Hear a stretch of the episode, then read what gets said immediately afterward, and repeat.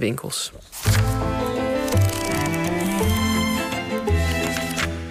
Boeken. Met Annelien de Dijn. Ja, en de boekenrecensent is weer aangeschoven om de interessantste historische boeken van dit moment te bespreken. Deze week Annelien de Dijn in het dagelijks leven, hoogleraar politieke geschiedenis aan de Universiteit Utrecht. Uh, welkom Annelien. Met welk boek wil je beginnen? Uh, het eerste boek dat ik heb meegebracht heet De Patriarchen van Angela Saini.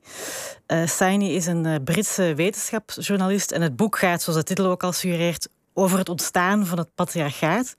Dus de vraag die ze probeert te beantwoorden is hoe komt het dat in zoveel samenlevingen uh, mannen eigenlijk dominant zijn en vrouwen dus een, een soort van positie van tweede rangsburger bekleden? Mm -hmm. Dat is een grote vraag. Ja, een hele grote vraag. Ik vind het ook een heel uh, interessant, verfris. Het is ook een verfrissend boek. Want hè, als je een aantal jaar geleden het woord patriarchaat in de mond nam, dan werd, je, dan werd er altijd een beetje lacherig over gedaan. Dus het feit dat, nu zit het in ja. een Barbie-film, viel mij op, dat het over de patriarchy gaat. dus het is redelijk ingeburgerd. Ja, ja. dus het is weer helemaal terug van weg geweest, om het zo te zeggen. Um, en dat heeft natuurlijk te maken met uh, de heropleving van het feminisme de laatste jaren. Maar ook, denk ik, met een um, nieuwe tendens uh, in geschiedenis. Interesse voor grote verhalen. Voor die lange uh, lijnen. En dat is ook iets dat Saini doet. Hè. Dus ook zij begint eigenlijk uh, naar het model van Sapiens. Bij het ontstaan van mensen, jagers, verzamelaars. Dus ja, heel, heel boeiend, verfrissend boek. en, en, komt ze met een verklaring die jou overtuigt? Of hoe kijk je daarnaar? wel, wat ze heel erg duidelijk maakt, denk ik is dat die, um, die rol van vrouwen als tweederangsburgers niet uh, uh, op het konto kan geschreven worden van biologie. Ze praten bijvoorbeeld met biologen als Frans de Waal. Hè, en die zeggen van ja, bij onze neven, de chimpansees, heb je wel alfamannetjes. Maar het interessante is, die spelen de baas over andere mannetjes, maar niet over vrouwen. Uh, en ook als je gaat kijken naar jagers-verzamelaars, dan zie je dat daarin eigenlijk dat dat heel uh, egalitaire samenlevingen waren, waar mannen en vrouwen weliswaar andere rollen vervulden, maar waar niet mannen de baas speelden over vrouwen. Uh, dus de vraag is dan, ja, waarom is dat dan in, in de meeste samenlevingen, de meeste sedentaire samenlevingen, veranderd? Um, en dat is een vraag die waar zij als antwoord op geeft, dat heeft iets te maken met de vorming van staten. Mm. Uh, dus kort gezegd komt haar verhaal erop neer. Uh, bij het ontstaan van staten. Er was een heel ingrijpende gebeurtenis in de geschiedenis van de mens. Leidde ertoe dat mensen op veel kleinere gebieden met z'n allen gingen samenwonen. En dat het allerlei onverwachte gevolgen, namelijk dat er allerlei uh, ziektes begonnen te ontstaan, epidemies. En dat er dus een, een nood werd gevoeld om meer kinderen op de wereld te zetten. En dat zou dus het ontstaan van die patriarchale ideologie hè, die dicteert vrouwen moeten thuis blijven en vrouwen moeten eigenlijk een soort broedmachine uh, worden. Ja. Dat is volgens haar waar het patriarchaat dus uh, vandaan komt. Um, ja, hoe geloofwaardig is die verklaring nu? Ik moet wel zeggen, ik vind het niet 100%. Ik vind het een interessante suggestie. Um, uh, ze bouwt hier heel erg voort op het werk van een uh, antropoloog uh, um, die James Scott heet, die ook een hekel heeft aan staten. en die het ontstaan van de staat associeert met alle slechte dingen waar we vandaag mee geconfronteerd worden. Um, maar ja, als je dan kijkt naar wat is er nu eigenlijk gebeurd. Hè, ze geeft zelf het voorbeeld van het Romeinse Rijk, waar de keizer Augustus uh, zich zorgen begon te maken over het teruglopende kinderaantal, zeker bij zijn elite, bij de patriciërs. Mm -hmm. En die voerde dan allerlei wetgeving in uh, om dat kinderaantal terug op te schroeven. Uh, hij, hij, um, um, mannen mochten bijvoorbeeld ja, dus hun vrouw doden als ze die op overspel betrapten. En het werd, ja, als je uit het echt wou scheiden, dan waren er allerlei incentieven om mensen aan te moedigen om zo snel mogelijk terug opnieuw te trouwen. dus heel draconische wetten. Maar we weten dat die wetten zo onpopulair waren dat Augustus zich eigenlijk al snel uh, genoodzaakt zag om die terug te draaien. Ja. Um, en ook vandaag zien we dat als overheden proberen om uh, vrouwen te overtuigen om meer kinderen te krijgen, dat dat meestal weinig tot geen effect heeft. Nee, behalve als je misschien juist wat vrouwvriendelijker op gaat stellen. En, en ja, misschien gaat helpen precies, als er crashes uh, ja, komen, gratis of wat dan ook. Exact. Hè? Dus dat, dat is iets, ja. in zoverre dat overheden daar succesvol in zijn, is het meestal door het, vrouwen, door het leuker te maken voor vrouwen om kinderen te krijgen, door hun hulp uit te bieden. Ja, laten we dan naar het tweede boek gaan. Dus het is, het is een interessante vraag sowieso en er zit een hoop in. Het tweede boek, Ei Liefdesbaby van Trudy de Hu. Uh, waar gaat het over?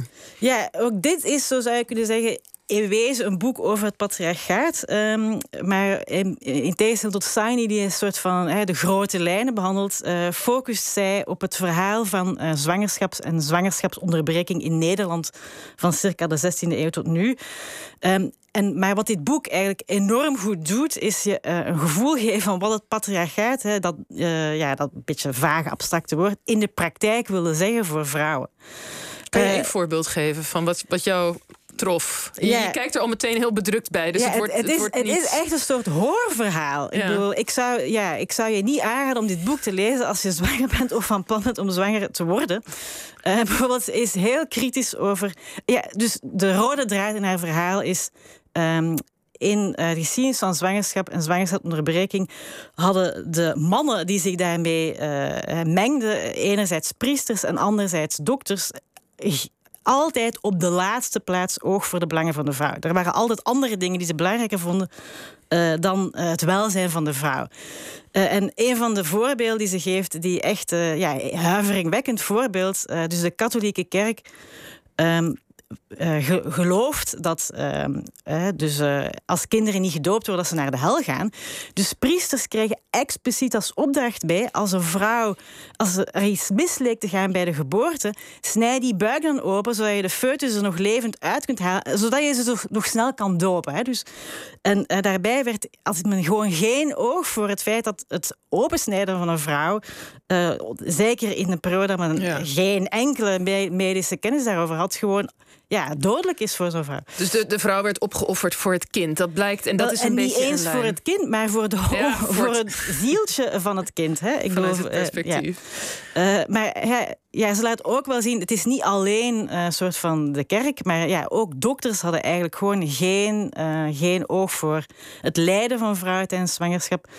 Um, een ander verhaal dat ze vertelt. Oh, ik denk dat we door moeten naar het laatste ja, boek. Ja, okay, het spijt me. Ja, we gaan door naar het laatste boek, want ik ben er ook nog heel benieuwd naar. Corpus van Lewis Dartnell. Maar uh, duidelijk een aanrader. dat is absoluut. als je niet zwanger bent of zwanger wil worden. en ook mannen zou ik aanraden om dit boek te lezen.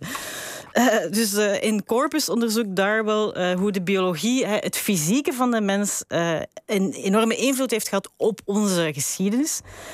Um, en hij geeft daarbij allerlei voorbeelden. Sommige daarvan zijn, denk ik, al relatief goed uh, ingeburgerd in, um, ja, in onze historische kennis. Bijvoorbeeld, uh, hij, gaat uitgebreid in op de impact van epidemieën op, uh, op de geschiedenis. maar hij belicht ook een aantal voorbeelden die, ja, die, die wat minder ehm, bekend zijn. bijvoorbeeld, zo heeft hij een hoofdstuk over de impact van demografische ontwikkelingen op man-vrouw verhouding. Dus ook weer op die, ja, hoe verhouden mannen en vrouwen zich tot elkaar. Um, en wat hij laat zien is dat um, in periodes waarin je een groot uh, overschot hebt aan vrouwen, zoals bijvoorbeeld periodes na oorlogen, hè, want oorlogen leiden meestal tot uh, grote sterfte, vooral dan onder mannen. Mm -hmm. uh, uh, dan zie je in het, het, concrete casus die hij bestudeert, is, die, is dat van de Sovjet-Unie, waar tijdens de Tweede Wereldoorlog uh, een enorm aantal mannen, hè, dus ongeveer 20 miljoen mannen, gestorven zijn tijdens de Tweede Wereldoorlog. Dat leidt tot een enorm ja, tekort aan mannen. En dat had een hele grote impact op de verhoudingen tussen de seksen. dus waar het toe leidde was een periode van veel meer echtscheidingen, veel meer buitenechtelijke kinderen. Uh, een soort van liberalisering zou je kunnen zeggen. Want ja, die mannen hadden het heel makkelijk, die, hadden, die lagen goed in de markt. Uh, en dus konden zij zich ja, anders gedragen dan, dan in periodes waar je een groter evenwicht hebt tussen de seksen. Ja, dat is een mooi voorbeeld. Ik denk dat we het daarbij moeten laten voor nu.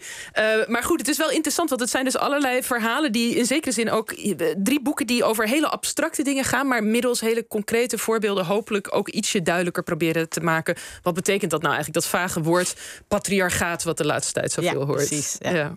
Dankjewel, Annelien de Dijn. En voor wie nog eens na wil lezen welke boeken we bespraken, dat is te vinden op onze site vpro.nl/slash OVT.